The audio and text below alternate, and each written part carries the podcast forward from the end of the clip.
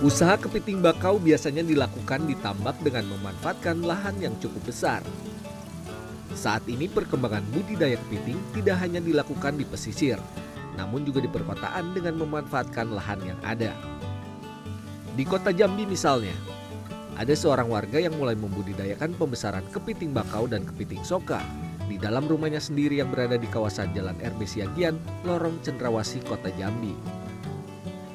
Pria berusia 41 tahun yang biasa disapa Ati ini telah memulai usaha pembesaran kepiting bakau dan kepiting soka sejak satu tahun yang lalu.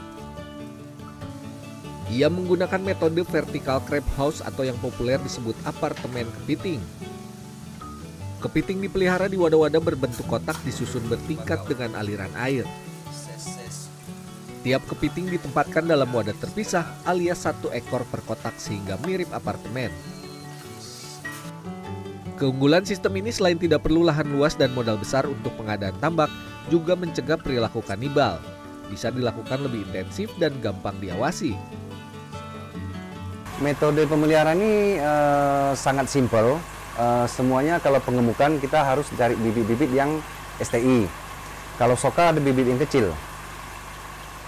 untuk budidaya ini kenapa tertarik untuk membudidayakan ini? Eh, karena melihat dari peluang-peluang usaha ini sangat baik. Karena kepiting ini eh, satu bisa untuk lokal, satu bisa untuk ekspor. Bisnis dari usaha kepiting ini cukup menjanjikan. Keuntungan yang diperoleh bisa mencapai 100% dengan asumsi jika pembelian bibit kepiting bakau di kisaran harga 70.000 hingga 90.000 per kilogramnya, maka setelah pengemukan selama satu bulan lebih, hasil penjualan bisa tembus 200 hingga 220.000 rupiah per kilogram. Nugroho Kusumawan, Jambi.